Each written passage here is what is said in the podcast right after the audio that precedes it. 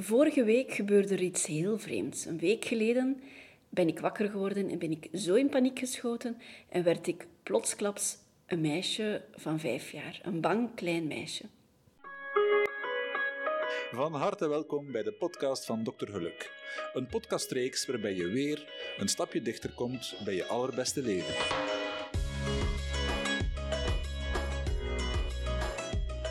Welkom terug, waar je ook bent, waar je ook ligt en als je onderweg bent, houd dan veilig. Een zomervakantie geeft dikwijls inzichten waar je tijdens het jaar geen tijd voor hebt of geen tijd voor neemt.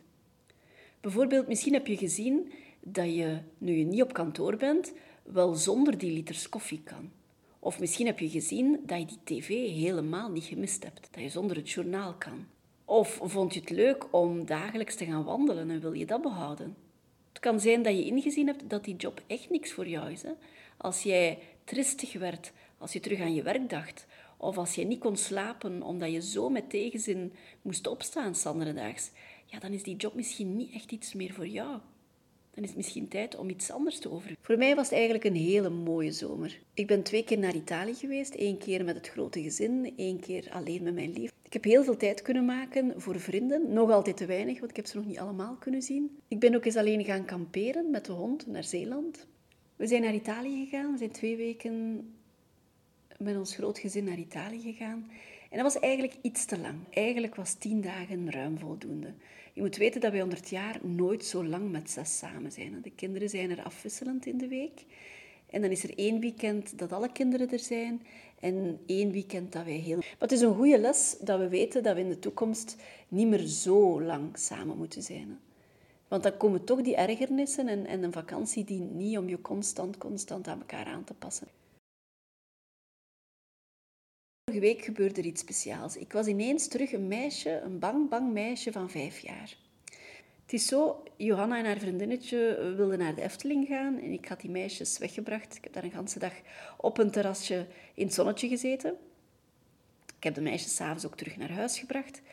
En daags moest ik vroeg op, moest ik mijn wekker zetten, want mijn mama zou met twee vriendinnen op reis vertrekken en ik had beloofd om de dames naar de carpool te voeren. Nu werd ik wakker woensdagochtend. Het was al klaar, dus dat kon al niet, dat klopte niet. Ik keek op mijn klok en ik zag dat het gewoon al half zeven was. Mijn hart bonkte uit mijn borstkas. Ik was in paniek, ik kon niet meer helder denken. Ik had een schrik over mij. Ik was terug in één klap. Was ik een bang, bang, bang meisje van vijf jaar. Van mama gaat boos zijn op mij. Wat moet ik nu doen? Mama gaat vreselijk. En op dat moment werd heel mijn ratio uitgeschakeld. Hè. Mijn onderbewustzijn ging met mij aan de haal. Dus die oude patronen werden gewoon eh, wakker gemaakt. Het patroon van een strenge mama, van een meisje dat flink wilde zijn, dat bang was als ze onder haar voeten kreeg, dat bang was van die strenge mama. En ik kon dat niet uitschakelen. Dus ik kon mijzelf op dat moment niet wijsmaken van alles is goed verlopen, het is geen ramp, ze zal wel een oplossing gevonden hebben. Dat kon ik allemaal niet meer bedenken. Het enige wat ik kon denken was, help, mijn mama gaat boos zijn. Ik heb haar dan proberen te bellen, ze nam niet op. Dus dacht ik nog meer van, ze gaat boos zijn. En dat heeft een hele voormiddag geduurd. Ik heb dan aan mijn zus gebeld in paniek. Mijn zus die stelt me altijd wel gerust. Die bekijkt dan alles op dat moment met meer ratio dan ik, die in die volle paniek zit. Ik heb uh, een berichtje gestuurd naar mijn lief. Ik heb naar een vriendin een berichtje gestuurd. En het duurde tot de middag dat ik eigenlijk terug rustig kon worden. En ergens weet ik dat dan wel. Ik weet dan, ik zie mezelf van op een afstand. Ik zie mezelf als het ware vanuit een helikopter. En ik weet van, Saskia, rustig blijven. Er is niks ernstig aan de hand. Er zijn geen ongelukken gebeurd. Er is niemand gestorven. Je hebt geen misdaad begaan. Het is per ongeluk gebeurd. Je hebt dat niet met de intentie gedaan van je mama in de steek te laten. Maar toch dat weet ik allemaal met, met mijn verstand. Maar dat bang gevoel, dat is er dan. S'avonds heb ik mijn mama uiteindelijk toch aan de lijn gehad. En ja, ze had me eerst al een berichtje gestuurd dat ze zwaar ontgoocheld was in mij. S'avonds heb ik haar aan de lijn gehad en ik werd dan wel rustig, want uiteindelijk viel haar reactie veel beter mee dan dat ik de situatie in mijn hoofd zo hevig had opgebouwd. En dat is maar één voorbeeld van hoe je kan vervallen in, in oude patronen. Hè. Er gebeurt iets, dat triggert jou en meteen gaat jouw onderbewustzijn met jou aan de haal. Je rationele verstand, je logische verstand, je analytisch vermogen, dat gaat eigenlijk op dat moment uitgeschakeld worden. En op dat moment is er alleen maar emotie en die emotie is gekoppeld aan iets van vroeger. En het was frappant, want dat was heel lang geleden dat ik nog in een oud patroon vervallen was. Of dat het zo'n heftige reactie. En dat brengt mij dan bij die eerste schooldag, het was daags voor de eerste schooldag, maar dat brengt mij dan bij het belang van de leerkrachten, bij het belang van de ouders in eerste instantie, maar ook bij het belang van, uh, van leerkrachten. Stel je voor dat je een, een jong meisje bent of een, een jong jongetje, je zit op de schoolbanken en de juf vliegt uit tegen jou of verwijt jou of je krijgt een opmerking de juf of de meester, ik corrigeer mezelf. Je moet je inbeelden wat dat met een kind kan doen. En het kan zijn dat dat de rest van zijn of haar leven gevolgen heeft. Hè. Het is ook zo bijvoorbeeld dat een opmerking veel langer blijft hangen dan een compliment. Hè. Je zou zeven complimenten moeten krijgen om één negatieve opmerking te neutraliseren. Nu ga eens na hoeveel meer kritiek je krijgt dan, dan complimenten. Door anderen, maar ook door je eigen innerlijke stem, door je eigen innerlijke criticus. Wat heb je vandaag allemaal al gedacht? Hoe lief heb je jezelf toegesproken? Of heb je alleen maar kritiek gegeven? Heb je jezelf toegesproken vanuit die kritische rol? Wat doe je nu weer? Hoe lomp ben je nu weer? Hoe onhandig ben je nu weer? Kijk nu eens wat je doet. Hoe dom kan je zijn? Wat was dat nu weer voor een opmerking? Hoe belachelijk gedraag je je nu weer? Kijk nu hoe je eruit ziet. Enzovoort, enzovoort. Dat is dikwijls hoe we tegen onszelf praten. Maar wat een verschil als je s morgens in de spiegel kijkt en denkt van... Oké, ik zie er goed uit. Ik ga het vandaag goed doen. Ik heb een goed voornemen. Ik ga vandaag mijn best doen. Ik heb gisteren mijn best gedaan. Het is me goed gelukt. Ik ga dat vandaag ook doen. Ik doe wat ik kan. Ik heb goede intenties. Ik ga dat goed doen. Je doet toch maar je best. Je hebt het toch maar gedaan. Hier sta je toch maar weer. Je hebt veel gedaan vandaag. Je hebt veel werk verzet. Je houdt toch maar alle bordjes in de lucht. Zeg je dat tegen jezelf? Of is het eerder dat omgekeerde altijd? Hè? Jezelf wijzen op alle fouten, alle steken die je laat. Maar die kritische opmerkingen die je jezelf geeft, dat is niet zozeer van jezelf. Dat komt voort van opmerkingen die je vroeger, voor je zeven jaar al gekregen had. Van je ouders, van leeftijdsgenoten, van familie, van broers, van zussen, van leerkrachten, van andere mensen. Ik heb een vriendin bijvoorbeeld en die had een heel verstandige zus. Zij was iets minder verstandig dan haar zus, dacht ze of werd aangenomen. En haar grootmoeder zei altijd tegen haar van, ja, je zus, die wordt advocaat, maar jij, ja, jij zal wel poetsvrouw worden. En dat meisje heeft dat altijd gehoord. Hè. Van als ze klein was, van als een klein kleutertje was, heeft hij dat altijd gehoord. Mijn grote zus is slim en ik ben niet slim. Dat is eigenlijk wat er in haar hoofd altijd achterbleef. En tot op de dag van vandaag, ze is nu ze is vorig jaar 40 geworden, tot op de dag van vandaag denkt ze dat nog altijd. En er mag gebeuren wat wil, zij zal zichzelf altijd blijven zien als de mindere van de twee zussen. Terwijl dat helemaal niet zo is en terwijl ze zoveel opleidingen intussen gedaan heeft om zichzelf maar te bewijzen dat ze niet dom is. En ze is ook helemaal niet dom. Maar die woorden van die grootmoeder, die blijven, die blijven, die blijven maar echt gewoon in haar hoofd. Dus dan moet je je voorstellen, als er iemand per ongeluk lacht of een opmerking geeft op iets wat ze zegt, dan gaat dat, dat onmiddellijk triggeren en dan is dat voor haar alleen maar een bevestiging van zie je wel, zie je wel, ik ben dom, zie je wel, ik ben lom. En zo hebben wij heel vaak zelf ook van die dingen. Ik herinner mij, ik heb altijd gehoord van mijn mama dat ik onhandig ben. Nu, wie laat er als kind is niets vallen? Ik kan me voorstellen dat er toch veel kinderen zijn die een glas breken, die een koffiekop laten vallen, uh, die een speelgoed laten vallen tot het kapot valt. Dat gebeurt toch wel heel vaak. Nu, mijn mama die gaf daar telkens de opmerking bij van ja, maar die is onhandig, die is lom, die maakt alles stuk. En als je dat een paar keer hoort, op de duur ga je dat ook geloven. En dan ga je je ook zo gedragen. Hè? Dan ben je ook de onhandigste van de familie. En dan ga je dat zelf ook nog altijd eens bestendigen. Hè? Want dat, gebeurt natuurlijk nog eens dat je iets laat vallen. En je gaat jezelf altijd maar toespreken. Zie je wel, zie je wel dat ik onhandig ben? Mijn mama zei dat ook altijd tegen mij. Maar is dat zo? Ik weet dat niet. Onlangs was ik aan het telefoneren met een vriend in de auto. En daar zat een passagier bij. Die telefoon stond op speaker. En ik begon ook met die vriend te praten, maar ik kende die niet. En die vriend begon heel veel over zichzelf te vertellen. Over zijn leven, over zijn nieuwe leven. En die zegt op een gegeven moment... Ali, wat zit ik hier nu allemaal te zeggen? Ik ben eigenlijk geen prater, hoor. En ik corrigeerde hem en ik zei, je mag dat niet zeggen. Want als je dat blijft zeggen, ik ben geen prater, dan ga je daar ook zo naar handelen. Misschien moet je dat gewoon veranderen in je hoofd en moet je zeggen van, ja, ik babbel wel graag. En je gaat je dan ook anders gedragen. Dikwijls leggen we patronen ook voor onszelf vast. Hè. Iemand heeft dat voor ons bepaald. We gaan dat geloven en we gaan daar dan ook naar handelen. Maar dat zijn zo'n beperkende gedachten die we eigenlijk onszelf opleggen. Door toedoen van anderen eerst. Dus zie je hoe belangrijk het is als leerkrachten opmerkingen geven aan kinderen. Hoeveel deugd het doet als je complimenten geeft aan kinderen, als je er het beste uithaalt wat erin zit. Je kan die kinderen optillen, hè? je kan die optillen naar een hoger niveau, je kan die, je kan die doen groeien. Mijn zus bijvoorbeeld, die heeft zich omgeschoold tot, tot onderwijzeres enkele jaren geleden. Die werkte bij Colruyt, die is dan onderwijzeres geworden. En die heeft die gave van elk kind te kunnen laten openbloeien. Van, van elk talent te zien in, in, in elk kind. Hè? Hoe klein het talent ook is, maar, maar elk kind heeft een talent. Hoe onzichtbaar ook, het zit erin. En zij heeft die gave van dat eruit te halen en van elk kindje te zien. Echt letterlijk te zien, dat het kind gezien wordt. Niks zo erg als niet gezien worden. Ik herinner me als klein kindje, ik wist perfect bij welke volwassene ik gezien werd en bij welke ik gewoon niet bestond. In de huisartsenpraktijk heb ik daar ook altijd een punt van gemaakt om tegen de kinderen te praten. Als kinderen kwamen om zich te laten onderzoeken, dan sprak ik de kinderen aan. Je kan heel gemakkelijk over de hoofden van de kindjes praten en alles aan de ouders vragen. Maar die kinderen beseffen dat wel. Die kinderen zitten daarbij en die, die hebben ook wel een zelfbewustzijn. Als jij dan over die hoofden van die kinderen praat, dat is helemaal niet fijn. Ook in de winkel bijvoorbeeld, als ik naast mijn mama of mijn papa stond in de winkel, hoe fijn was het om als kind ook aangesproken te worden en echt gezien te worden. Trouwens, als volwassenen ook. Wij willen gezien worden, wij willen bestaan, wij willen ertoe doen, wij willen de moeite zijn. Ik hoor dat soms in de coaching, een, een diep verdriet bij, bij wel veel mensen van ik heb het gevoel dat ik er niet toe doe. Ik heb het gevoel dat ik niet besta. Ik heb het gevoel dat ik voor niemand nummer één Komt dat voort van vroeger? Waarschijnlijk wel. Hè? Als jij de moeite niet was voor je ouders, of als jij het gevoel had. Want dat is natuurlijk ook een verschil. Als je het gevoel had dat je niet de moeite was voor je ouders, ja, dan ga je dat misschien altijd wel heel vlug gaan voelen.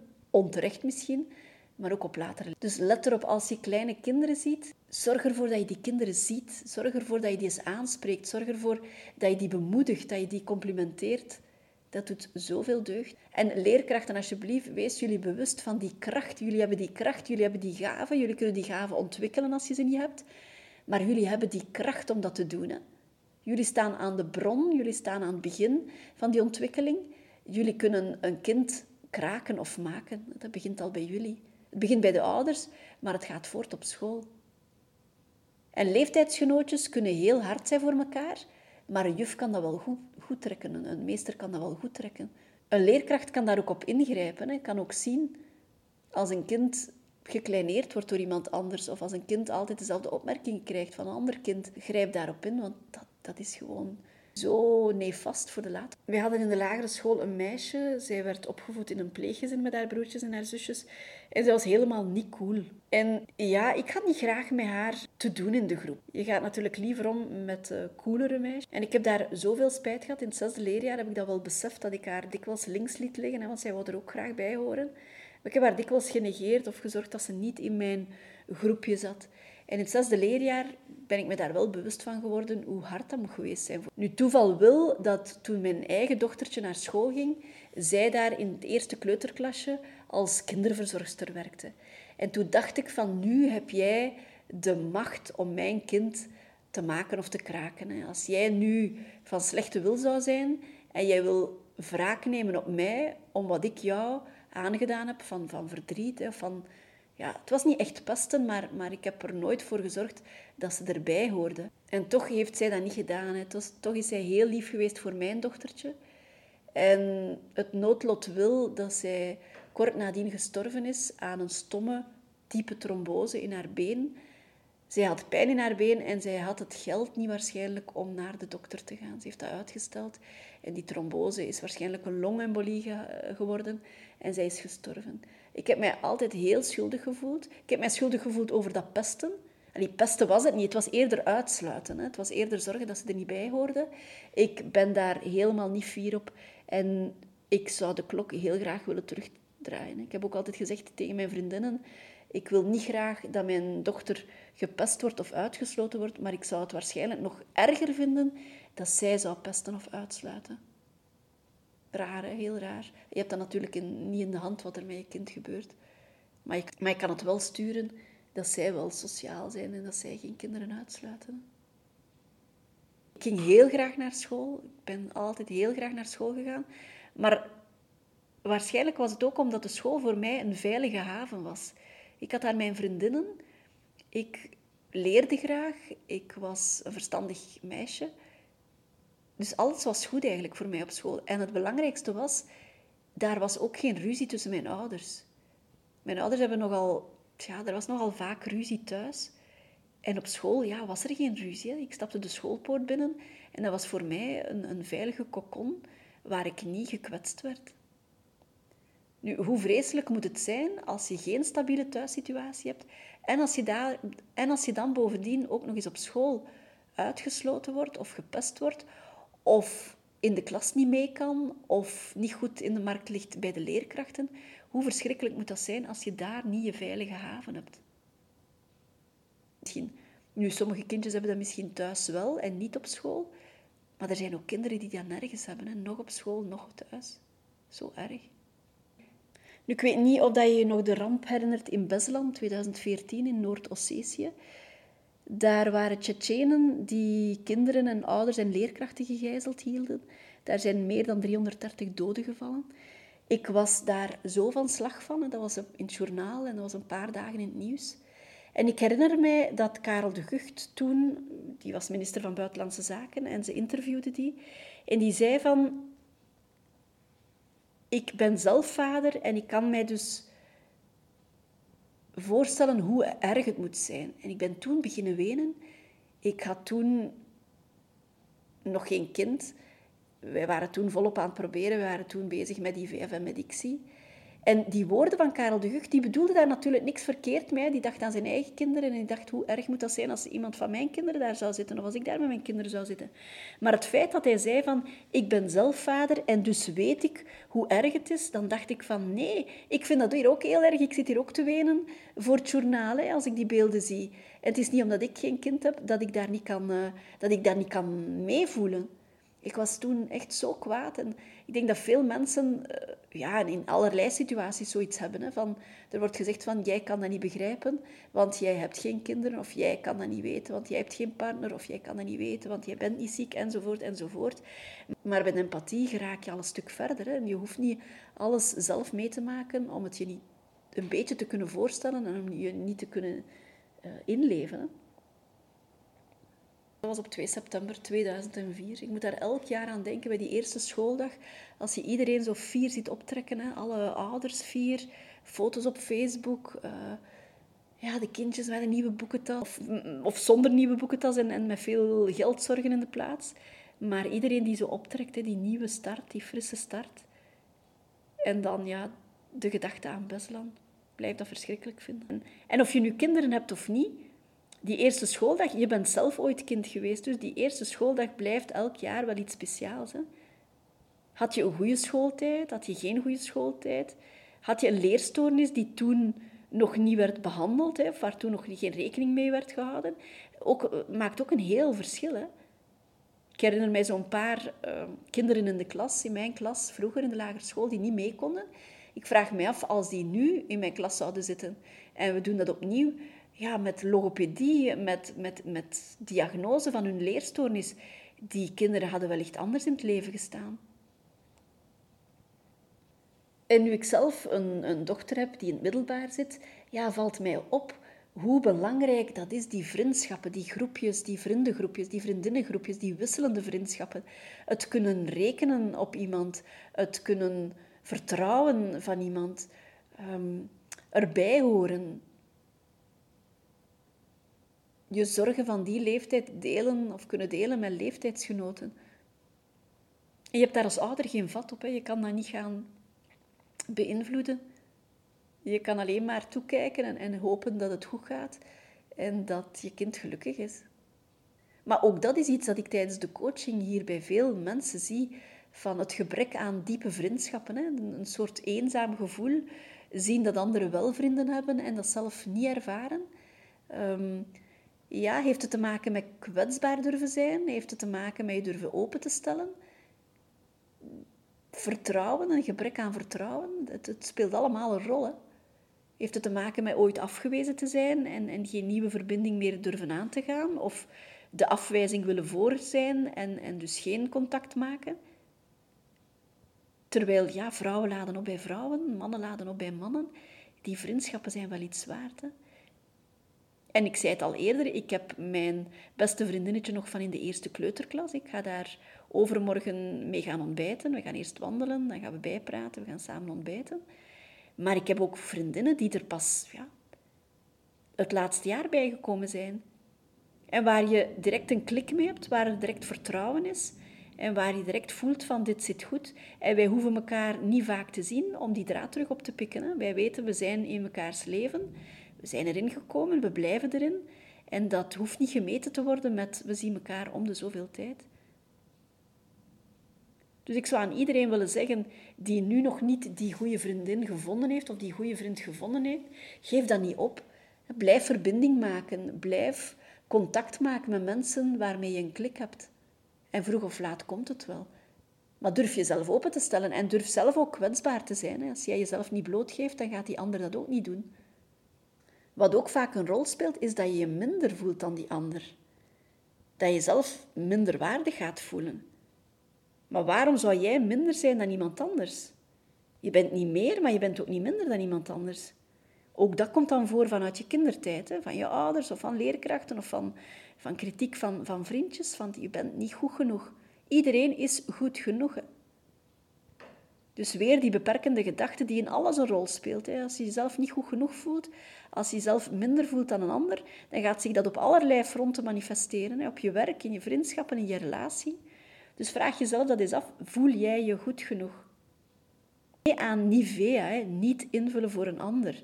Dikwijls denken wij wat een ander mogelijk zou denken over ons. Maar is dat zo? Denkt hij dat over ons? Of denken wij dat zelf over onszelf? Dus doe daar niet aan mee. Nivea, niet invullen voor een ander. Ga niet invullen voor een ander. Dus ja, 1 september roept heel wat associaties bij, bij mij op. Ik zei eerder al dat ik hoogsensitief uh, ben. Dat wil zeggen dat alles binnenkomt zonder filter. Dus al mijn zintuigen, al die prikkels, die komen binnen. Maar die worden dan opgeslaan, die worden geassimileerd, die worden geanalyseerd, die worden verbonden. Er worden nieuwe associaties gemaakt. Dat wil ook zeggen dat ik heel, heel veel herinneringen heb, nog vroeger aan mijn schooltijd. En in mijn geval zijn dat meestal mooie herinneringen. Dus ga voor jezelf eens na 1 september, begin september, wat brengt dat bij jou allemaal teweeg?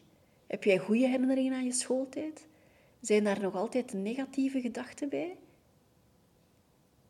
Hoe is je zelfbeeld? Heeft dat te maken met je kindertijd? Met je schooltijd? Welke gedachten gaan jou nog beperken in je dagelijks leven? Je beroepsleven, in je relatie? Je relatie met je partner, met vrienden? Weet dat je daar kan aan werken. Weet dat je met die beperkende gedachten aan de slag kan gaan. Hè? Ik heb dat ook gedaan. Dat heeft mij veel geholpen. Weten dat niemand perfect is. Weten dat niemand meer of minder is dan iemand anders. Weten dat je goed genoeg bent. Goed genoeg hoe dat je bent. Misschien wil je het anders. Misschien kunnen er sommige dingen wat beter. Maar op zich ben je goed genoeg. Ga daar niet aan twijfelen. Misschien waren de kansen er niet. Misschien was jouw lot niet het beste. Maar weet dat het allemaal klaar zit om eruit te komen en weet dat je, dat je ermee aan de slag kan gaan. En dat je misschien een, een, een beter, een vrijer, een, een, een leven kan hebben dat beter bij jou past. Kijk eens na, hoeveel complimenten geef je jezelf? Kan je een compliment laten binnenkomen? Kan je dat aanvaarden of ga je dat weg, wegwimpelen? Ga je dat niet geloven? Of ga je er iets mee doen? Ga je het toch laten binnenkomen? Of ga je alleen iets doen met de kritiek die je krijgt of die je jezelf toespreekt? Hoe mild ben jij voor jezelf eigenlijk? Hoe mild zijn anderen voor jou? Maar in eerste instantie, hoe mild ben jij voor jezelf? Wat zegt jouw innerlijk stemmetje in jouw hoofd? Wat zegt jouw saboteur? Een saboteur noem ik het, omdat het heel wat wegneemt van jouw kansen en van je goed humeur. Begin al eens met jezelf een compliment te geven af en toe. En laat de complimenten van anderen ook binnenkomen. En geef zelf ook complimenten. Zeker, zeker, zeker aan kinderen. En pas op met wat je zegt tegen kinderen. Weet dat die niet het verschil kunnen maken tussen iets gemeend of iets grappig of iets dat op niks slaat. Als jij tegen een kind zegt je bent lomp of je bent dom of je bent onhandig of jij zal nooit dit of dat kunnen, een kind gaat dat geloven. Een kind, zeker jonger dan zeven jaar, maakt het, het verschil niet tussen iets wat waar is en wat overdreven is. Die kunnen dat niet nuanceren. Hè. Die hersenen zijn nog niet genoeg ontwikkeld om, om daar logisch te gaan overdenken en om, daar te gaan, uh, om dat te gaan relativeren en dat te gaan nuanceren. Nee, die gaan dat geloven. En die steken dat in hun hoofd en dat komt de rest van hun leven, komt dat altijd, komt dat, datzelfde stemmetje altijd wel terug in hun hoofd. Dus gaan we er vanaf nu voor zorgen dat we die schade beperken bij de kindjes? Dat wij ze lief gaan toespreken, bemoedigend gaan toespreken? Dat we gaan letten wat we zeggen tegen die kinderen? Dat we die nu niet al gaan opzadelen met complexen? Dat zou wel heel mooi zijn. Hè? En aan alle leerkrachten zou ik dezelfde oproep doen. Sta erbij stil wat er binnenkomt bij die kinderen. Een opmerking kan snoeihard zijn. Het kan zijn dat je zelf hoofdpijn hebt. Het kan, kan zijn dat je zelf over je toeren bent. Maar weet wat je zegt tegen een kind, dat dat, dat kind een leven lang kan blijven achtervolgen. Haal het beste uit dat kind. Zie alle talenten. En laat dat kind groeien en openbloeien. Het begint bij jullie, hè, bij de leerkrachten. En de ouders natuurlijk. Hè. De ouders, ja, dat is gewoon zo, zo belangrijk. Als je in een goed gezin opgroeit, in een stabiel gezin, waar je gezien wordt. Voilà, en dan wil ik het nog kort hebben over de voornemens. Ja, begin september is altijd zo wel een, periode, dat is net zoals na nieuwjaar, dan worden er veel nieuwe voornemens gemaakt. Er worden nieuwe cursussen gestart, er wordt ingeschreven in, in fitnessscholen of in, in tennis, uh, voor tennislessen. Maar denk goed na, je kan op elk moment van het jaar beginnen met goede voornemens. Ik zeg niet dat je halverwege het jaar nog moet inschrijven voor, uh, voor de avondschool Italiaans, maar je kan op elk moment van het jaar beginnen met jouw goede voornemens. Dus zelfs al is het half september, zelfs al zijn we half november, ja, begin ermee. Elke dag is de eerste dag van jouw toekomst. Ik ga terug wekelijks gaan zwemmen, dat is mijn voornemen. Ik ga ook proberen om s morgens uh, mijn, mijn ochtendroutine vol te houden. Hè, wat mediteren, wat opschrijven, mijn intenties klaarzetten voor de rest van de dag. In de week ook me-time inplannen. Door de dag tijd maken om stil te staan bij waarvoor ik dankbaar ben. En ja, altijd tijd maken voor wie en wat belangrijk is in mijn leven. Ik nodig je uit om hetzelfde te doen. En om tussendoor te bewegen.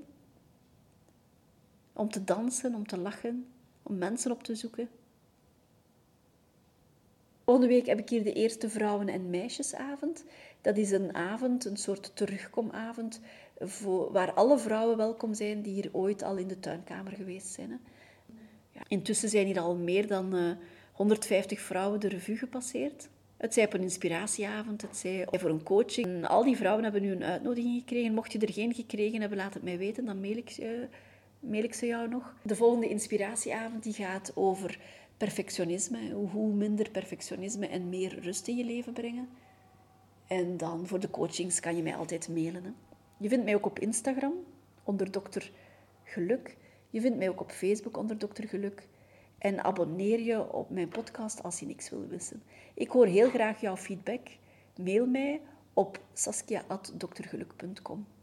Ik wens je mooie maanden, ik wens je mooie weken, ik wens je mooie dagen. Je hebt maar één leven, weet dat jij kan kiezen hoe je het zal invullen. Hou je goed en tot volgende keer.